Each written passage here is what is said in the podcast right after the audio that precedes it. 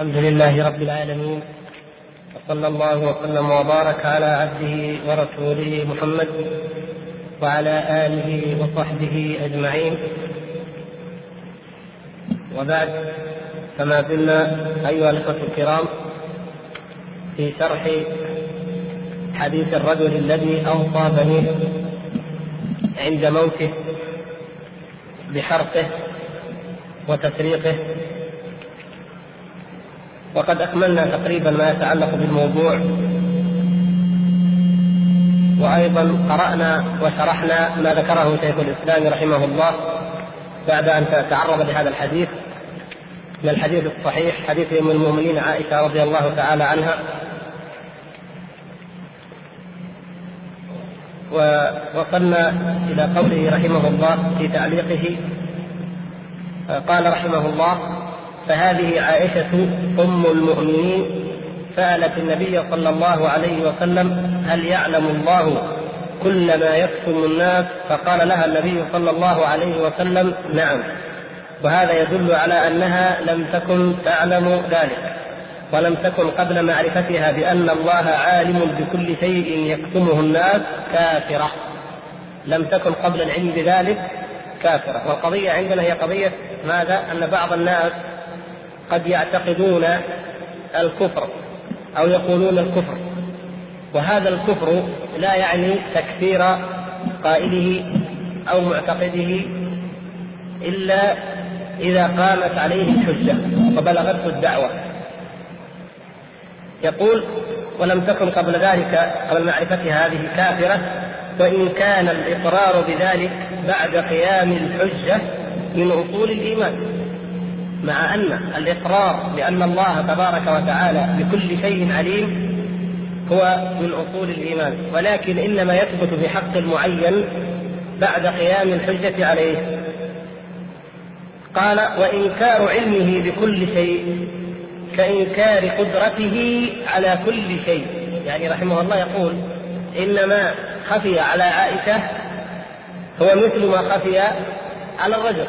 إنكار علمه أو خفاؤه يعني بكل شيء مثل إنكار قدرته على كل شيء.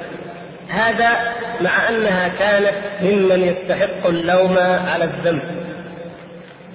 أي يقول شيخ الإسلام أنه هذا مع أن عائشة رضي الله تعالى عنها لم تكن خالية الذهن من الإيمان تماما بل كان عندها علم ودين وخير. ولذلك يعني لأنها مؤاخذة كانت ممن يستحق اللوم على الذنب. ولهذا لهزها النبي صلى الله عليه وسلم وقال أتخافين أن يحيف الله عليك ورسوله يعني عندها علم. فتعلم أن الله تعالى ورسوله صلى الله عليه وسلم لن يحيف عليها. وتعلم هي مؤاخذة يعني هي تستحق اللوم ومؤاخذة. يعني بمعنى أن من لم يبلغه شيء من الدين ولا يدخل تحت المؤاخذة أصلا فهو أولى بأن يعذر أو لا يعاقب على ما لم يبلغ قال وهذا الأصل مبسوط في غير هذا الموضع. يقول فقد تبين أن هذا القول كفر ولكن تكفير قائله لا يحكم به حتى يكون قد بلغه من العلم ما تقوم به عليه الحجة التي يكفر تاركها. وهكذا في كل قول كفري لا يحكم على قائله بالكفر حتى تقام عليه الحجة التي يكفر تاركه. لاحظوا الحجة عبر عنها بماذا؟ التي يكفر تاركها. فكل إنسان بحسبه. يعني نحن لا نشترط معنى معينا للحجة مقدارا معينا للحجة لأن من الناس من تكفي في من يكفي في إقامة الحجة عليه موعظة أو كلمة أو تذكير ومن الناس من لا يكفي فيه إلا سنوات أو شهور من التعليم لضحالة علمه وقلته وشدة أو فرط جهله. وكذلك الذي يقيم الحجة من الناس من يستطيع أن يقيم الحجة في مجلس واحد ومن الناس من لا يقيمها وإن ظن أنه قد أقامها. هذه أمور اعتبارية بحسب الأحوال نسبية بحسب الأشخاص سواء المقيم للحجة أو المتلقي لها. ولذلك يراعى في كل إنسان بحسبه. والله تعالى هو المطلع على الأحوال والسرائر. يقول ودلائل فساد هذا القول كثيرة في الكتاب والسنة واتفاق سلف الأمة وأئمتها ومشايخها لا يحتاج إلى بسطها بل قد علم بالاضطرار من دين الإسلام أن الأمر والنهي ثابت في حق العباد إلى الموت.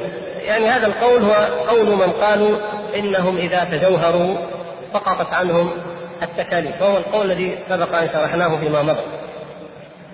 نرجع إلى السطر الذي علق به الشارح رحمه الله على على الحديث.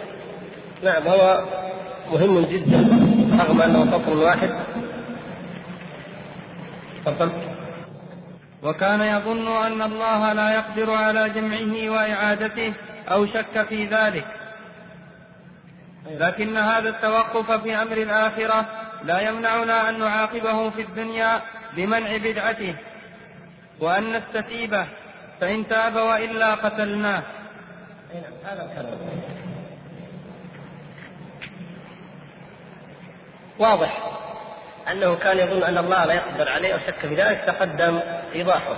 يقول لكن هنا الاستدراك مهم لكن هذا التوقف في أمر الآخرة لا يمنعنا أن نعاقبه في الدنيا اذا هذا كلامنا كله هذا في حقه في الآخرة يعني أن لا نقطع ولا نجزم بكفره أو ردته أو ضلاله أو تخليده في النار إلى آخره يعني في حق الآخرة.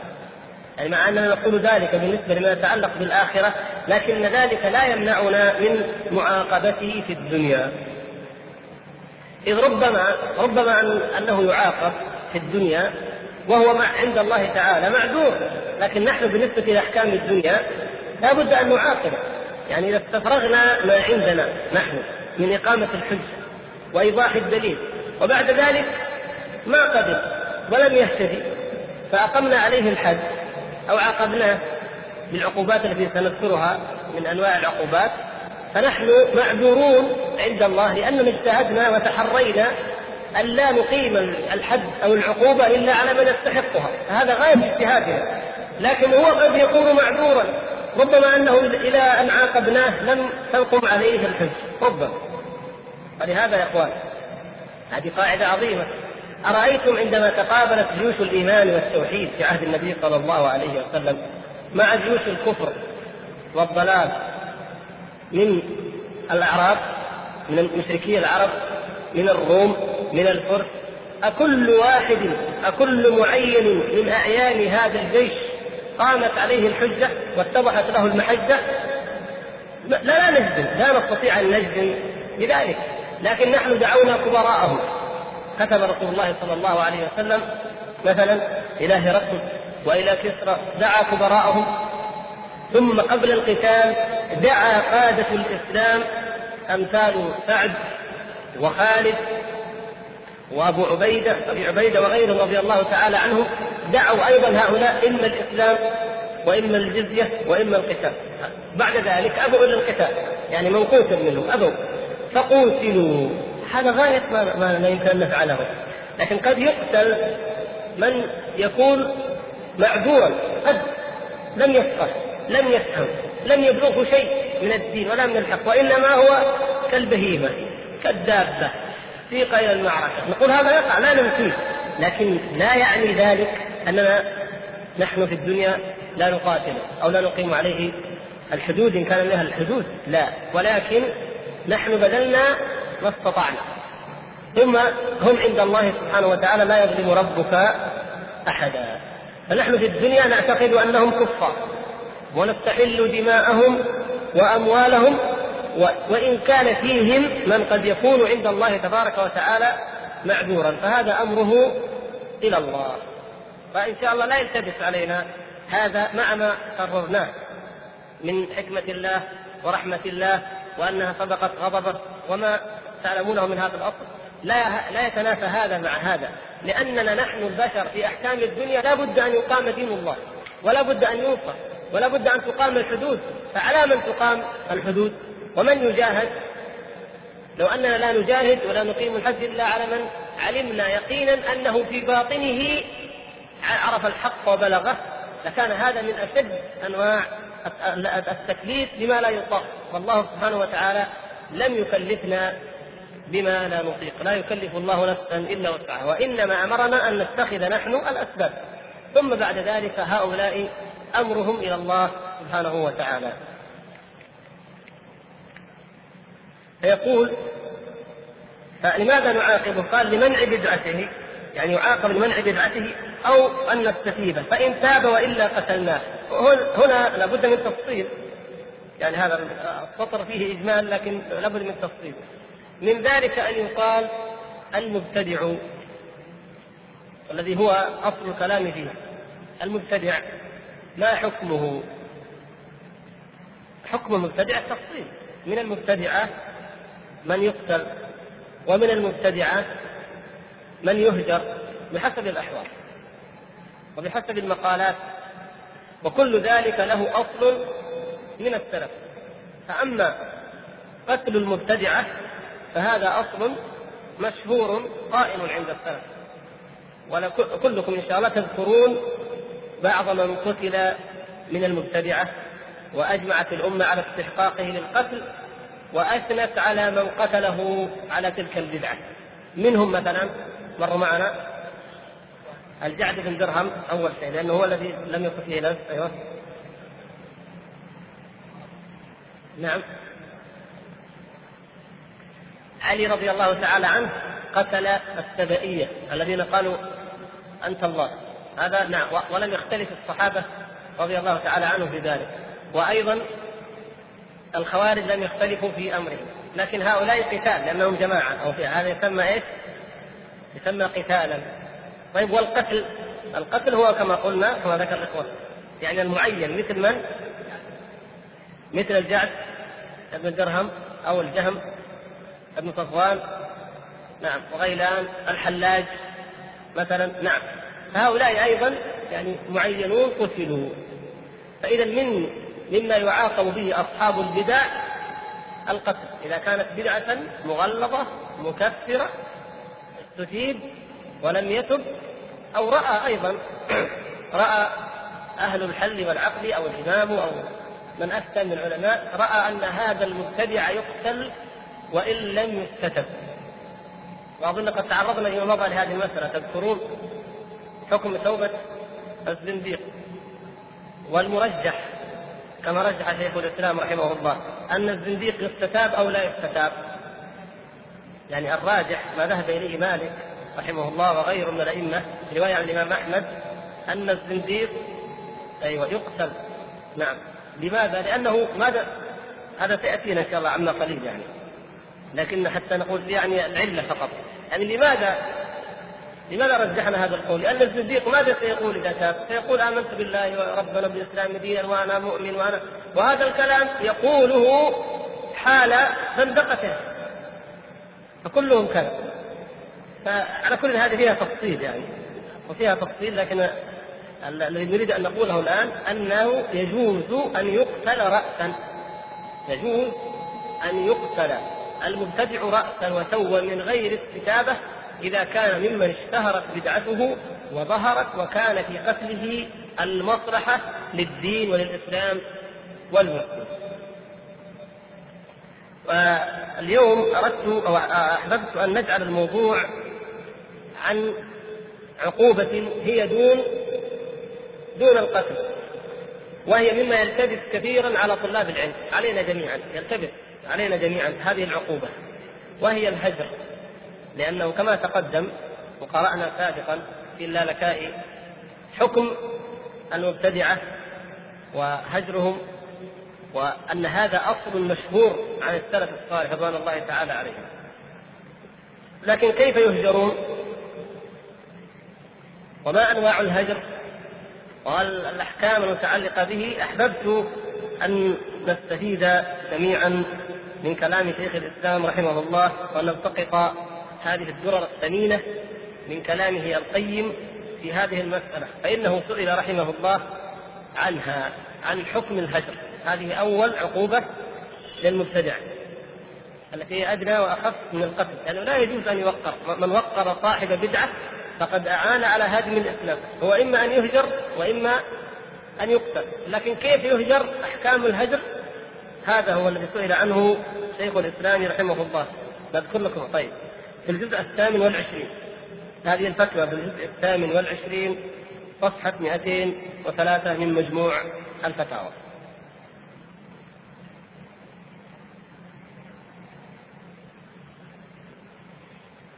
قال أو السؤال نذكره لا بأس. يقول سئل رحمه الله عمن يجب أو يجوز بغضه أو هجره أو كلاهما لله تعالى وماذا يشترط على الذي يبغضه أو يهجره لله تعالى من الشرك وهل يدخل ترك السلام في الهجران أم لا؟ وإذا بدأ المهجور الهاجر بالسلام هل يجب الرد عليه أم لا؟ وهل يستمر البغض والهجران لله عز وجل حتى يتحقق زوال الصفة المذكورة التي أبغضه وهجره عليها؟ أم يكون لذلك مدة معلومة؟ فإن كان له مدة معلومة فما حدها أفتونا مأجورين هذا سؤال يدل على فقه من فائدة. فأجاب رحمه الله قال الهجر الشرعي نوعان. الهجر هذا المصطلح الكلمة الشرعية نوعان ها؟ أحدهما بمعنى الترك للمنكرات والثاني بمعنى العقوبة عليها. أحدهما يعني أن تهجر أنت. أنت تهجر المنكر تتركه. والآخر العقوبة أن تعاقب غيرك أن تعاقب صاحب المنكر بهجره بقطيعته بما سيأتي إن شاء الله إذا هذان معنيان في الهجر. الأول ترك المنكر والثاني العقوبة على المنكر. هذا هذان معنيان للهدم وفي إمكان الإخوة أن يأتون بأدلة. النوع الأول هجر الشيء بمعنى تركه وزجره والابتعاد عنه. تأتون عليه بدليل؟ الله يفتح مثل قوله تعالى والرجز فاهجر ما هو الرجز؟ الشرك عبادة الأصنام الأصنام نعم. فاهجر ما معنى اهجرها؟ أيوة طيب غير ذلك من الأدلة؟ أيوة هذا في اللغة. هذا واهجرني في اللغة لكن نريد في نفس المعنى الشرعي. لأن القائل هنا أيوة هذا هذا صحيح. اتخذوا هذا القرآن مهجورا يعني متروكا مهملا. لكن هذا معنى يكون إيش؟ يكون لغوي. لأن لأنه هذا ذنب. نحن نريد الهجر الذي هو مأمور به. لاحظت؟ أحسنت. هذا كما في الحديث والمهاجر من هجر ما نهى الله عنه. إذا تلاحظون أن الهجر له علاقة بالهجرة. كذلك والنبي صلى الله عليه وسلم قالها. وفي لغة العرب عادة اتفاق أو تقارب الكلمات في المبنى يعني في الحروف دليل أو يمكن أن يؤخذ منه التقارب أيضا في المعنى. أحسنت ذكره شيخ الإسلام على أي حال مثل قال فالأول هو المذكور في قوله تعالى يعني الهجر بمعنى الترك وإذا رأيت الذين يخوضون في آياتنا فأعرض عنهم. وإما يأتينك طيب هذه فين الهجر فيها؟ وإما يأتينك الشيطان فلا تقعد بعد الذكرى مع القوم الظالمين. ما فيها هجر لفظي لكن فيها الهجر إيش؟ معناه يعني معناه وحقته. إنما اللفظ كما ذكر الأخ والرجز فهجر. طيب. يقول وقوله تعالى وقد نزل عليكم في الكتاب أن إذا سمعتم آيات الله يكفر بها ويستهزأ بها فلا تقعدوا معهم حتى يخوضوا في حديث غيره. إنكم إذا مثلهم. فيها كلمة الهجر هذه؟ من أين جاء معنى الهجر وهو إيش؟ فلا تقعدوا معهم. نعم. وكما قال فلا تقعد بعد الذكرى مع القوم. طيب. فهذا يراد به أنه يقول رحمه الله هذا يراد به أنه لا يشهد المنكر لغير حاجة أن لا تحضر أي منكر تهجر أي منكر لا تحضر إلا لحاجة شرعية يعني. مثل قوم يشربون الخمر يجلس عندهم ما يجلس عندهم. وقوم دعوا إلى وليمة فيها خمر وزمر لا يجيب دعوتهم. وأمثال ذلك بخلاف من حضر عندهم للإنكار عليهم هذا واضح. من حضر لينكر عليهم. أو حضر بغير اختياره. ما هو داري؟ مكره. يعني مضطر ففوجئ وإذا بهم يفعلون ذلك. ولهذا يقال حاضر المنكر كفاعله. يقول إلى أن قال وهذا الهجر من جنس هجر الإنسان نفسه عن فعل المنكرات. هذا هجر للنفس. كما قال صلى الله عليه وسلم المهاجر من هجر ما نهى الله عنه. ومن هذا الباب الهجرة من دار الكفر والفسوق إلى دار الإسلام والإيمان. فإنه هجر للمقام بين الكافرين والمنافقين الذين لا يمكنونه من فعل ما أمر الله به. ومن هذا قوله تعالى والرجل قائل النوع الثاني هذا واضح لكن ذكره لأنه واضح النوع الأول ها؟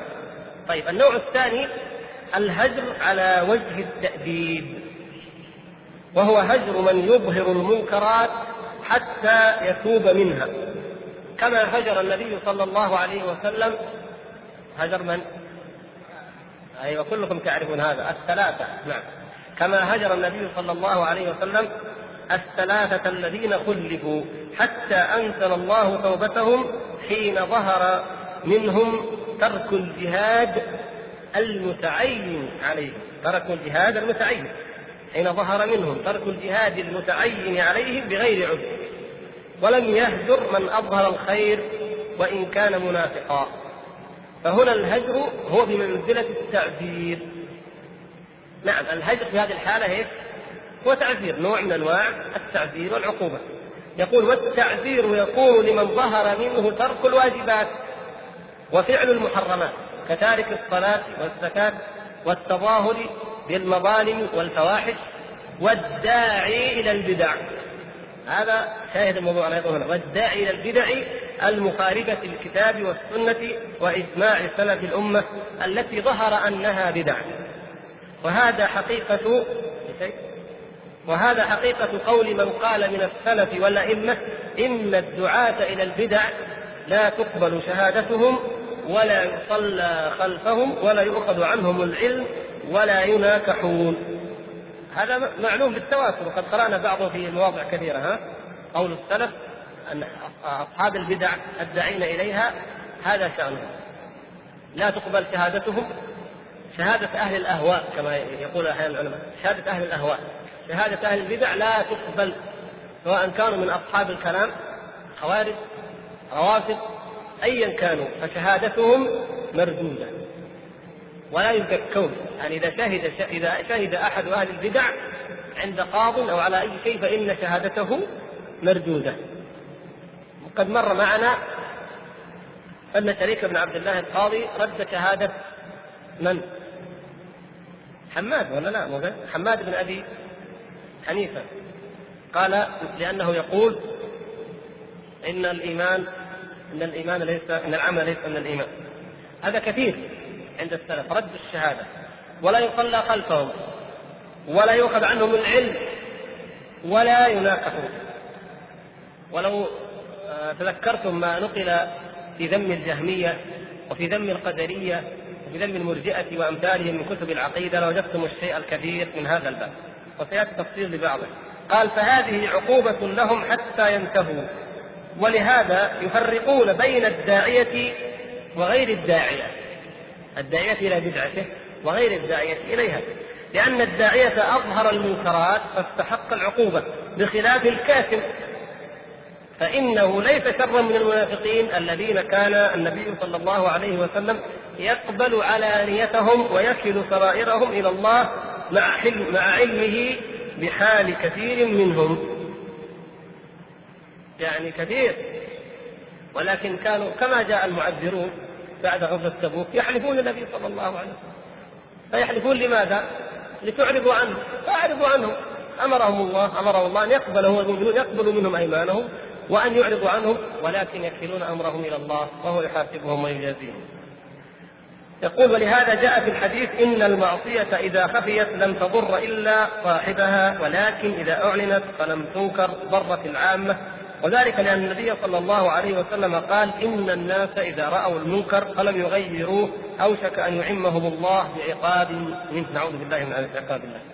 يقول فالمنكرات الظاهرة يجب إنكارها بخلاف الباطنة فإن عقوبتها على صاحبها خاصة. لاحظوا يا إخوان المنكرات الباطنة أنت تقف في المسجد وتقول هذه البدعة كذا كذا. تذكر البدعة مثلا هذا الاعتقاد بدعة. وتذكر التحذير من البدع والتخويف منها. والمستمعون أمامك من يعلم في نفسه أنه معتقد لهذه البدعة قامت عليه الحجة في نفسه وبلغته الحجة. وهذه فائدة التذكير العام أو من فوائد التذكير والنصح العام أنه يذكر الناس بما هم يعلمون. قمت مسجد تكلمت عن شر الزنا وخطره وضرره فكل جالس همت نفسه بالزنا أو فعله والعياذ بالله أو كذا فأنت قد خاطبته وقد أقمت عليه الحجة في نفسه هذا بالنسبة لمن يفعل المعصية سرا يكتمها أما المعلن المجاهر فهذا له حكم آخر. يقول آه، وهذا الهجر يختلف باختلاف الهاجرين. لاحظوا حكمة الدعوة. ما أكثر ما فضلا الحكمة. حتى إذا جيت نصحت أحد قالوا لازم خذ بالحكمة. الحكمة ما هي؟ كثير من الناس الحكمة عنده ألا تنكر المنكر. أنت حكيم. إذا إذا تركت الإنكار أنت حكيم. ما دمت تنكر لازم تقف حتى وإن كان أسلوبك حقا وإن كان في موضعه وبمقتضى الحال وبالكلام اللائق. فيقول هذا الهجر انظروا الحكمة. يختلف باختلاف الهاجرين الهاجرين الذين يهجرون في قوتهم وضعفهم وقلتهم وكثرتهم.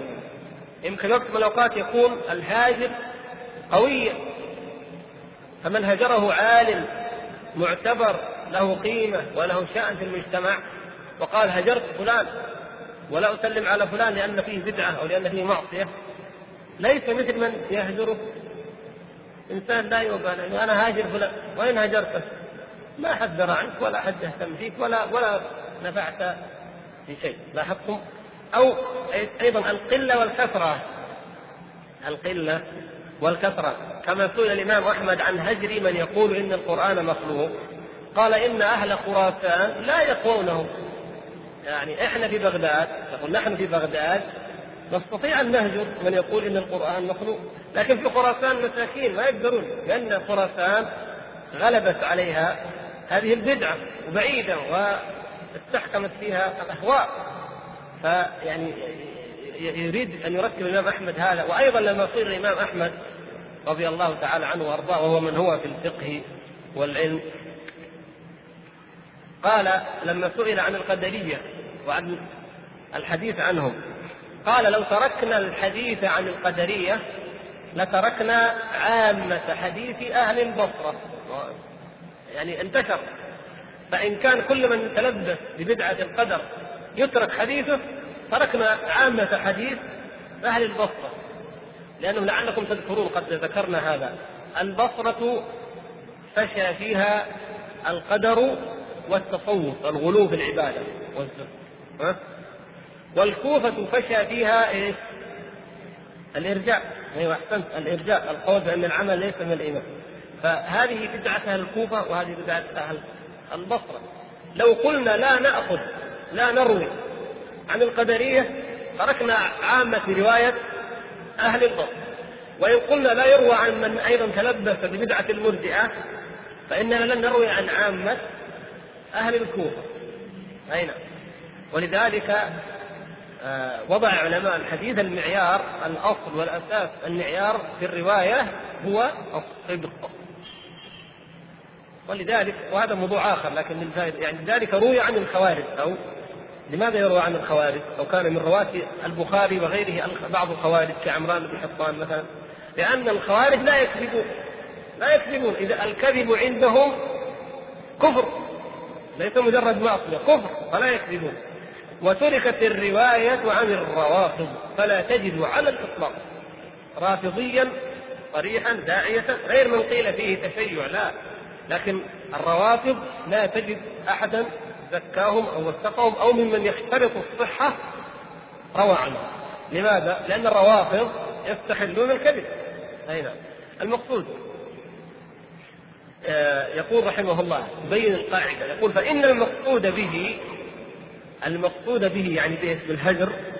زجر المهجور وتأديبه. يعني لا ننسى هذه الحكمة. أنت لماذا نحن نهجر؟ لماذا نهجر أي إنسان عاصي أو مرتكب يعني منكر أو بدعة؟ لماذا نهجره؟ بغرض أن نزجره وأن نؤدبه وبغرض ماذا؟ رجوع العامة عن مثل حاله. حتى لا يقلده الناس ويتبعوه. يقول فإن كانت المصلحة في ذلك راجحة بحيث يفضي هجره إلى ضعف الشر وخفيته كان مشروعا. آه. شوفوا كيف؟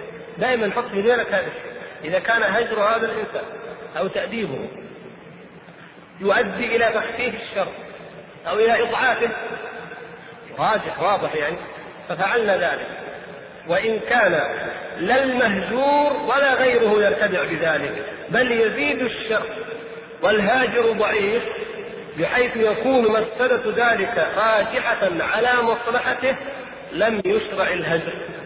بل يكون التأليف لبعض الناس أنفع من الهجر.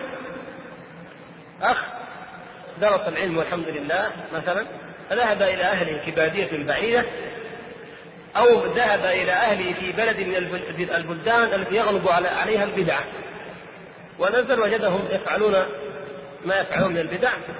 فقال أنا أعرف أن من أصول أهل السنة والجماعة هجر أهل البدع فلنهجرهم هجر الأم وهجر الأب وهجر وبعدين لن يترك أحد إلا وهجره لأن الناس ألفوا هذه البدع البدع وعاشوا عليها. فهو المنكر هو المهجور. ففي هذه الحالة الهاجر ضعيف والمصلحة لا تتحقق. فإذا المشكلة ليست بأن الأخ يعني هذا الأخ ما أقام أو ما طبق هذا الحكم أو ما عرفه يعرفه ويعلمه وطبقه لكن في غير موضعه المصلحة الشرعية غير حاصلة. ولهذا يحضر قوله رحمه الله تعالى ورضي عنه وأرضاه يقول بل يكون التأليف لبعض الناس أنفع من الهجر. الذي عنده تتألف على الحق وعلى الخير؟ بقدر ما فيه بحسب ما فيه من الخير من يعني العلم من الفهم من القابلية حتى تجلبه وتجلبه إلى الخير. يقول والهجر لبعض الناس أنفع من التأليف. ولهذا كان النبي صلى الله عليه وسلم يتألف قوما ويهجر آخرين. كما أن الثلاثة الذين قلبوا كانوا خيرا من أكثر المؤلفة قلوبهم ما في شك في ذلك. لكن الثلاثة الذين خلفوا مهما كان لن يرجعوا عن الدين بل الهجر يزيدهم خوفا ولذلك انظروا يعني تذكرون حالهم تذكرون حالهم وبكاءهم وما نالهم من الهم والكرب ضاقت عليهم الأرض بما رحبت وأظلمت الدنيا في وجوههم وهجرهم وزجرهم وتركهم أحب الناس إليهم ممن يعرف صدقهم وإيمانهم ومع ذلك لا يزيدهم ذلك إلا خوفا وخشية ويعني ترقبا لأن يتوب الله عليهم. ولما أرسل له ملك الغساسنه ماذا قال؟ قذف الكتاب في التنور. هؤلاء قوم لا يخشى عليهم الحمد لله. لكن المؤلفه قلوبهم لو قيل لهم لا تفعل أو أغضب يذهب إلى هرقل ولا إلى الغساسنه إلى المنازل إلى أي لأنه هو قابل للفتنة. إنسان مفتون أو قابل للفتنة نسأل الله العفو والعافية. ولهذا هذا يعاقب لأنه يعرف الحق ويعلم هذا يعاقب ويذكر ليرتدع ويرتدع أمثاله من المؤمنين. وهذا يتألف حتى يدخل في الإسلام أمثاله من المؤلفة قلوبهم. فإذا سمع الأعراب بأن شيخا من شيوخ بني تميم وفلان كما أعطي الأقرع وأعطي عيينة ألف شاة وألف بعير ما شاء الله. كل شيخ من شيوخ الأعراب والله فرصة نسلم ونأخذ ألف شاه. ما غرضه الإسلام لكن يأخذ ألف بعير أو ألف شاه. ما يهم يدخل في الإسلام وتسلم القبيلة. وربما هدى الله تعالى القبيلة أو كثيرا منها عن إيمان ويقين. وإن كان الشيخ أسلم من أجل الشاة والبعير والدرهم والدينار نسأل الله العفو. والعافية. لكن هنا يحصل يحصل مصلحة للإسلام وللمسلمين بهذا التأليف بخلاف الهدف يعني كما قال شيخ الإسلام يقول كما أن الثلاثة الذين قلبوا كانوا خيرا من أكثر مؤلفه قلوبهم لما آه لما كان لما كان أولئك كانوا فاجة مطاعين. فكانت المصلحة الدينية في تأليف قلوبهم وهؤلاء كانوا مؤمنين. والمؤمنون سواهم كثير فكان في هجرهم عز الدين وتطهير أو عز الدين وتطهيرهم من ذنوبهم يعني الثلاثه وأمثالهم. في هجرهم عز للدين وتطهير لهم هم من الذنب ويبقى الدين قويا حتى يحس الناس أن هذا الدين متين وأن هذا الدين حق وأن هذا الدين ليس لكل من ادعاه. وليس بالنفاق ولا بالدعاوى ولا بالشعارات الزائفه وإنما هو جهاد وصبر وتضحية كيف يرغبون بأنفسهم عن رسول الله صلى الله عليه وسلم؟ كيف يتخلفون عن ركب يقوده رسول الله صلى الله عليه وسلم؟ كيف يتركون الجهاد معه؟ هذا شيء كل مؤمن يحتاج إليه، فهذا فيه مصلحة للمؤمنين. يقول كما وهذا كما أن المشروع في العدو القتال تارة والمهادنة تارة وأخذ الجزية تارة كل ذلك بحسب الأحوال والمصالح. يعني آه، دائما يمثل بها شيخ الإسلام رحمه الله هذا المثال هذا المثال. التمثيل بأن واجب العلماء والدعاة مثل واجب المجاهدين. حتى في مواضع يعني قريب جدا من كلام هذا أذكرها لكم فقط للفائدة. يقول آه، رحمه الله ترك أهل العلم ترك أهل العلم لتبليغ الدين كترك أهل الجهاد كترك أهل القتال للجهاد وترك أهل القتال للقتال الواجب عليهم كترك أهل العلم للتبليغ الواجب عليهم. هذا صفحة 188 فيضرب أمثلة بهذا وهذا. فيضرب يعني يمثل بالجهاد. كيف الجهاد؟ قد يكون الأفضل في قتال العدو هو الإدخال في الأرض والقتال كما كما في يوم إيش؟ يوم بدر نعم. هذا كان الأفضل. وهو الأولى وهو الذي اختاره الله سبحانه وتعالى للمؤمنين. ما كان لنبي أن يكون له أسرى حتى يسكن في طيب. وقد يكون المهادنة أفضل. وترك وأخذ الجزية. فاحيانا المهادنة مجرد المصالحة أفضل كما كان ذلك في عام الحديبية أحسنتم. وأخذ الجزية قد يكون أفضل. وهذا ما فعله الصحابة رضوان الله تعالى عليهم في حق بعض أهل الكتاب. فإن أهل الكتاب إذا أخذت منهم الجزية وأتيح لهم أن يسمعوا عن النبي صلى الله عليه وسلم وعن دينه لأن عندهم كتاب عندهم الكتاب. ويعرفون صفته صلى الله عليه وسلم. وعندهم قابلية التدين موجودة لكن يتدينون على ضلال. فلو سمعوا الحق لآمنوا وأذعنوا فتكون المصلحة أفضل. يعني يقدر الأمر بحسب المصلحة التي يراها الناس. كما في سيرة نور الدين الشهيد رحمه الله الذي هزم الله سبحانه وتعالى على يديه الصليبيين إلى أن جاء بعده قائده صلاح الدين فأكمل الفتح كما تقدم. كان أظنه ملك الألمان. أسر ملك الألمان واحتار فيه نور الدين. احتاره هل يقتلونه أو يطلقونه بمال عظيم. فنظروا فإذا هم في حاجة إلى المال. لأن نور الدين رحمه الله ألغى المكوث وألغى الضرائب. وقال كيف كيف ننتصر عليه ونحن نأخذ المكوث ونأخذ الضرائب وهي معاصي. فقال والله لو لم يبقى في بيت المال شيء. لا نغلب أعداءنا إلا بطاعة الله. لا نغلبهم بما نغلبهم بالمعاصي. فترك المكوث فقل بيت المال. فاحتار. والملك ملك الألمان يعرض فدية كبيرة. ولكن إن أطلق يخشون أن يأتيهم بعد حين بجيش عظيم فيقولون يا ليتنا قتلناه. تفكر واستخار فأراد الله تبارك وتعالى له الخير. فأطلقه بعد أن أخذ منه مالا عظيما جدا. ورجع إلى بلاده وما أن وصل إلى بلاده وأراد أن يؤلبهم ليجمعهم ليعودوا إلى أرض المسلمين حتى أهلكه الله عز وجل. فتفاءل المسلمون وفرحوا خيرا.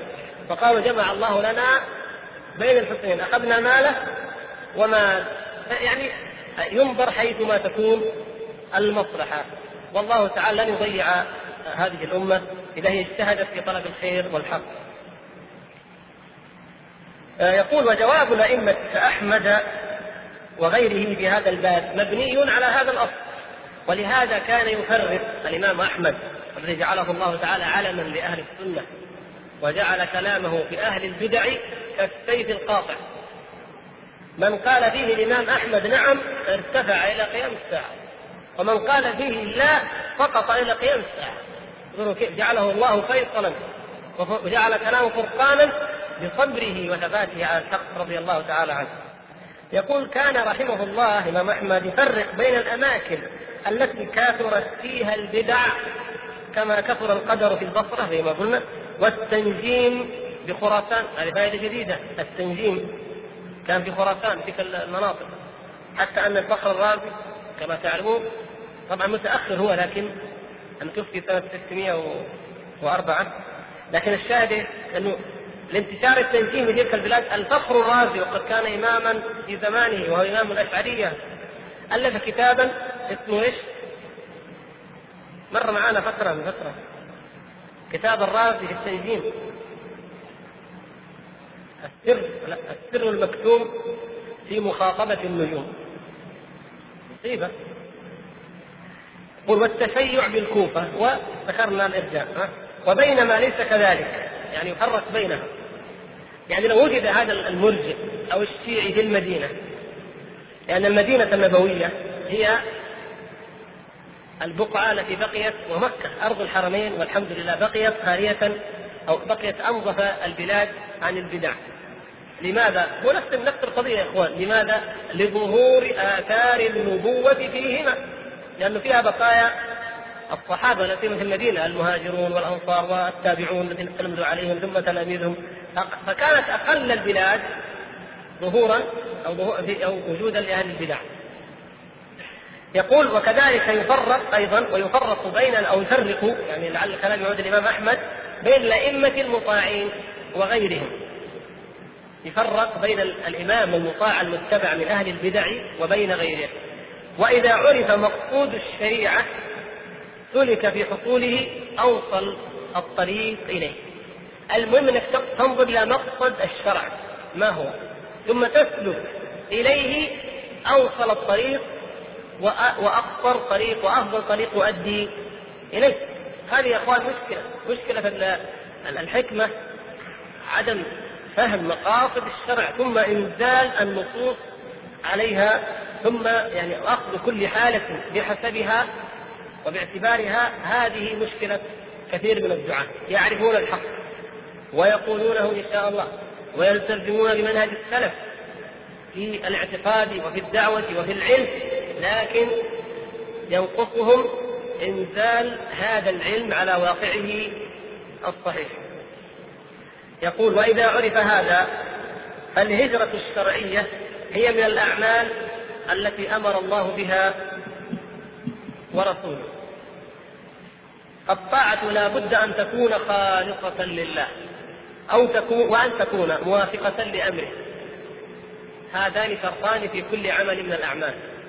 الإخلاص والموافقة أي الصواب. فمن هجر لهوى نفسه أو هجر هجرا غير مأمور به كان خارجا عنها عن هذا. الله أكبر. هذا شيء عظيم يا أخوة. أن الإنسان لا يعمل العمل إلا لله. إن هجرت فلله. إن أحببت فلله. إن أبغضت فلله. إن قاتلت فلله. ولهذا مما ينبغي التنبه له نحن إن شاء الله الدعاء وكلنا دعاء أن كل داعية قد يبتلى. يمتحن يؤذى. فإياك إياك أن تجعل ما ابتليت به أو أوذيت به هو المعيار في العداوة، يعني أن أن أن تعامل أحدا بشيء لأنه آذاك أو أساء إليك، أبدا. لا تجعل ذلك، وإن كانت النفوس مفطورة على على هذا، لكن اجعل المعيار هو أن تكون لله، محبتك لله وعداوتك لله. فلا تظلم أحدا ولا تحيف عليه لمجرد أنه وإن كان ظالما لك إن ظلمك. لكن يكون انتقامك وغضبك لله تعالى ودعوتك إلى الله تعالى. تتجرد من حظ النفس ومن هواها وتجعل هواها وحظها تبعا للحق الذي جاء به محمد صلى الله عليه وسلم. فمن أقام الدين ونصره فأحبه. ولو آذاك أنت في ذاتك أو أذى أو ظلمك في نفسك تحبه لأنه نصر الله به الحق وأظهر به الدين. ومن كان غير ذلك وإن أحسن إليك في نفسك فإنه لا يجوز لك أن تحبه أو أن تداهن في دين الله.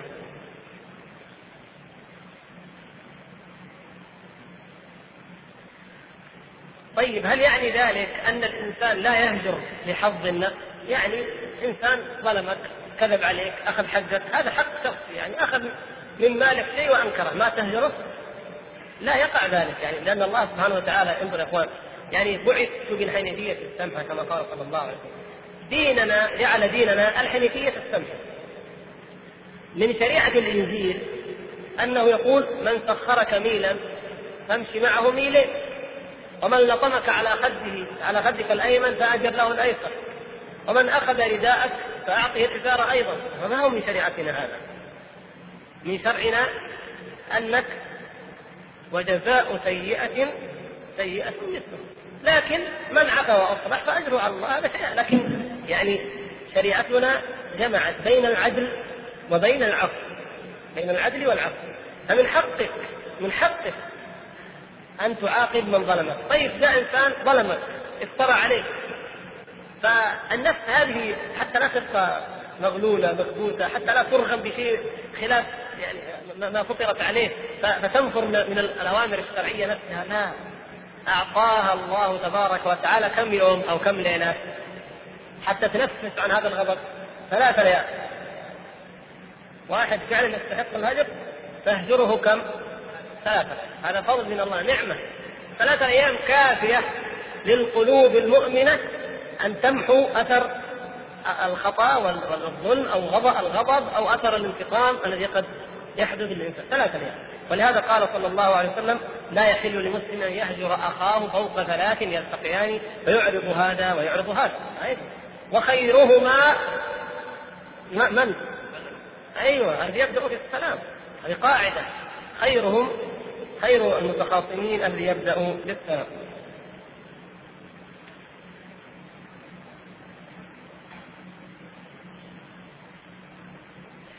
يقول آه، بعد كلام الله رحمه الله وهذا لأن الهجر من باب العقوبات الشرعية فهو من جنس الجهاد في سبيل الله وهذا يفعل لأن تكون كلمة الله هي العليا ويكون الدين كله لله. كل الأعمال. يجب أن تكون لله والهجر من جنس العقوبات. وأعلى أنواع العقوبات التي يعاقب بها أعداء الله أن يقاتلوا فيسبوا ويغنموا. فيقول يفعل هذا الجهاد لماذا؟ كما ذكر الله تبارك وتعالى وقاتلوهم حتى لا تكون فتنة ويكون الدين كله لله. فكذلك أيضا إن هجرت فيكون الهجر لله. إن بدعته أو فسقته وحكمت عليه فأيضا من من باب الانتصار لمن؟ لدين الله حتى يكون الدين كله لله. ويقول والمؤمن عليه أن يعادي في الله ويوالي في الله. فإن كان هناك مؤمن فعليه أن يواليه وإن ظلمه فإن الظلم لا يقطع الموالاة الإيمانية. قال تعالى وإن طائفتان من المؤمنين اقتتلوا فأصلحوا بينهما.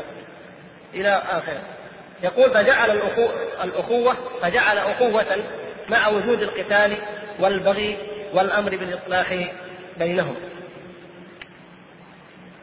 وإذا اجتمع قال بعد كلام رحمه الله وإذا اجتمع في الرجل الواحد خير وشر. هذا حال أكثر الناس من في دار الإسلام.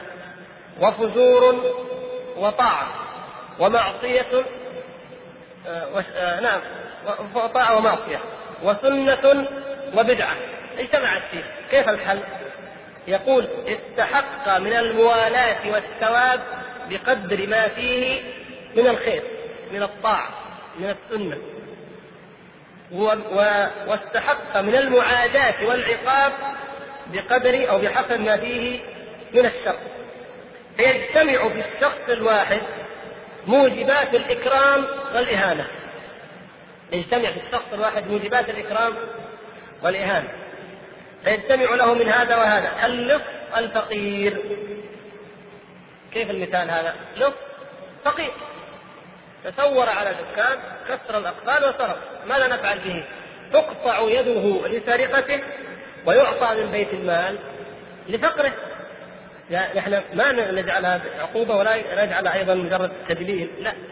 يعاقب على موجب يعني بموجب الذنب ويعطى بموجب الاستحقاق الذي هو الفقر.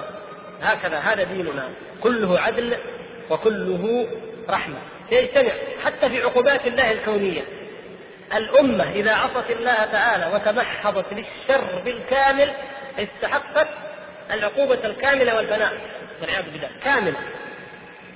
يعني ما هو معناه إنه 100% حتى لكن اذا إذا كثر الخبث يعني وغلب وأصبح أهل الحق في قلة ودله وضعف ولم يعد لهم قيمة ولا كلمة ولا منفذ وأما ما دام فيها خير وشر فإن العقوبات تأتيها نذر نذر وعقوبات غير عامة حتى تجعل أهل الخير يجتهدون في الدعوة ويخشون وقوع العذاب وأهل الشر يرتدعون وينزجرون ويسمعون لدعاة الخير لأنهم يرون العذاب. فهكذا فإذا جاءت النذر وتوالت النذر و...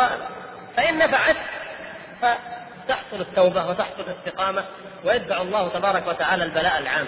وإن لم تحصل التوبة والرجعة والإنابة بل ازداد أهل الكفر كفرا وزيد في في في, في ذل أهل الإيمان وفي إيذائهم جاءت العقوبة عامة ونجى الله تبارك وتعالى الذين اتقوا من عنده. يقول هذا هو الأصل الذي اتفق عليه أهل السنة والجماعة وخالفهم الخوارج والمعتزلة ومن وافقهم عليه. هذا قد يعني تقدم.